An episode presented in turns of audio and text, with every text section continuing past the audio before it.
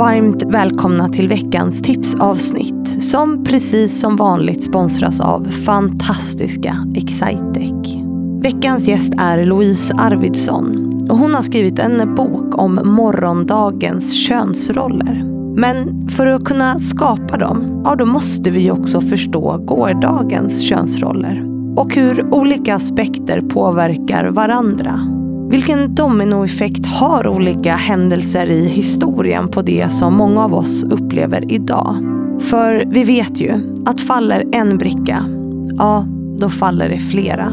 På söndag släpps ett avsnitt med Louise där vi pratar om det och fakta som visar på hur vi kontrollerat kvinnor och även aktivt fråntagit dem makt. Det är med andra ord ett avsnitt som kommer, hoppas jag i alla fall, kunna skapa mer förståelse för vad vi har framför oss genom kunskap om vad vi har bakom oss.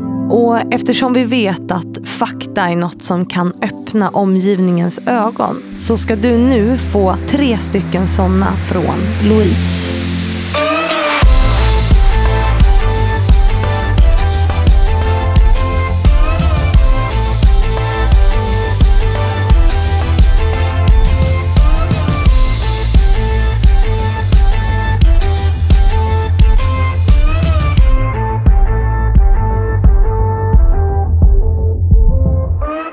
Då säger vi varmt välkommen till Louise Arvidsson. Tack så jättemycket. alltså, de här introna, kära eh, lyssnare, vad ska jag göra? Eh, jag vet inte hur jag ska komma på något nytt. Jag har liksom kört fast lite. Och ju också det här har de hört varenda gång. Ja, nästan. snacket innan. Måste, hur inleder de här avsnitten på ett annat sätt än att säga att vi precis har spelat in ett långt avsnitt. För det har vi ju gjort. Ja, ja. Nej, men verkligen. Ehm, Jättetrevligt. Jag är lite varm.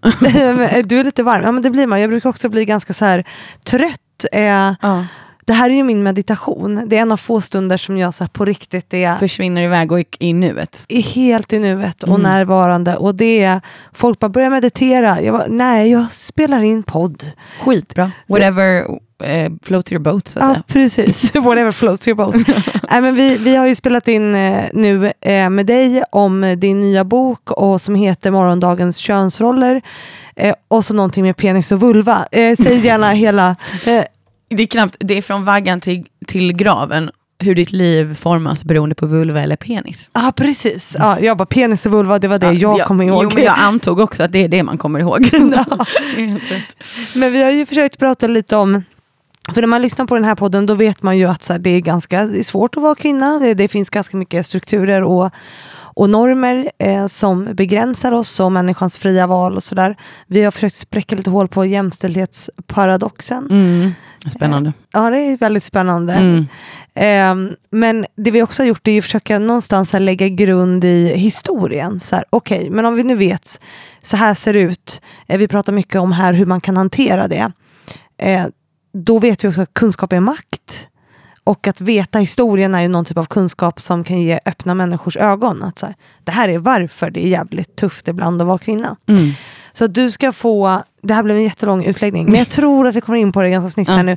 Eh, att du ska få säga tre fakta ur historien som liksom kan öppna människors ögon. Ja, alltså det är ju ehm, historiska händelser är ju, jag ska bara säga kort, att det är ju vinnaren som skriver historien och tyvärr har kvinnorna inte alltid varit vinnarna, så även om de har varit del i många viktiga upptåg och händelser och eh, maktskiften så har inte de fått credit för det. Mm. Men det jag skulle vilja säga är, som vi pratar om lite i, i avsnittet, sex är jätteviktigt. Så ehm, eftersom det kontrollerar eh, arvsrätten. Vilka barn får du? Kontrollera kvinnors sexualitet så att jag vet vem jag ska lämna min mark till. Och den grunden till sen paterfamilja, som det heter, kärnfamiljen, är någonting vi lever med fortfarande idag. Och jag säger inte att vi inte kan ha kärnfamiljen. Jag säger att det finns, eh, det är där det, det är där det bygger ifrån och det är där många av strukturerna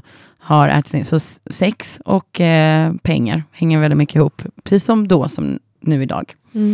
Sen skulle jag väl säga att ehm, gudarna, det är också någonting som vi har idag. Så idag finns det ju mest monoteistiska religioner, engudar. Mm. Eh, men, eller en gud att se upp till. Men eh, förr fanns det många fler och det fanns kvinnliga gudar och eh, man såg upp till eh, även dem. Och jag tycker väl att eh, om man ska plocka russinen ur kakan så är det det man ska välja. Vi ska ta in nytt om vi vill förnya våra religioner. Liksom. Jag, är, jag är ju såklart religionsfrihet och sådana grejer, men det finns eh, en del skeva eh, grejer, så att eh, gudarna från förr påverkar även strukturerna idag, eftersom religionen har haft en extremt in, stor inverkan på hur vi har format samhället. Martin. Luther sa, kvinnor är antingen fruar eller prostituerade. Så det, det. Ja. Men jag ska avsluta lite på en positiv note, tänkte jag. Ja, jag gör det. Um, ja, att vad vi har sett hela tiden är att historia revideras. Alltså det vill säga att man hittar mer och mer kvinnliga eh, kvinnor som har tagit plats, som man har röjt undan, men också att historien rör på sig hela tiden. Mm. Alltså, det är ingenting som har varit konstant, precis som inte kvinnor och mans, mäns, männens egenskaper genom historien har varit konstanta. Män hade smink under 1700-talet och klackar. Och, så att, eh, vi hade matriarkat under 3000 före Kristus. Det har varit olika sådana samhällen. Idag lever det i Amazonas, som är utanför det civiliserade samhället, matriarkat. Så förändring är helt enkelt möjlig, för det har funnits där förr helt enkelt. Mm.